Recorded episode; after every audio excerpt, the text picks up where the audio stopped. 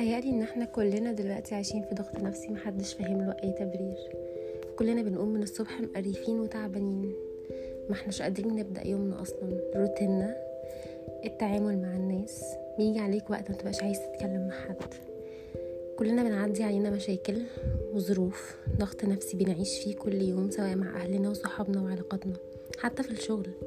ال overthinking اللي بيغرقنا كل يوم قبل ما ننام في اوضتنا الضلمه دي التجارب اللي بنعدي بيها بتغير شخصيتنا كتير جدا عن زمان وبتخلينا ما احناش عارفين نتعامل مع أي طرف تاني. كل الحاجات اللي مش بنعرف نتكلم فيها مع اللي حوالينا هنتكلم فيها هنا. كل الحاجات دي هتتسمع هنا.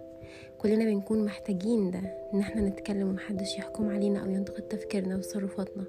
هنا هنعمل ده. هنسمع نفسنا.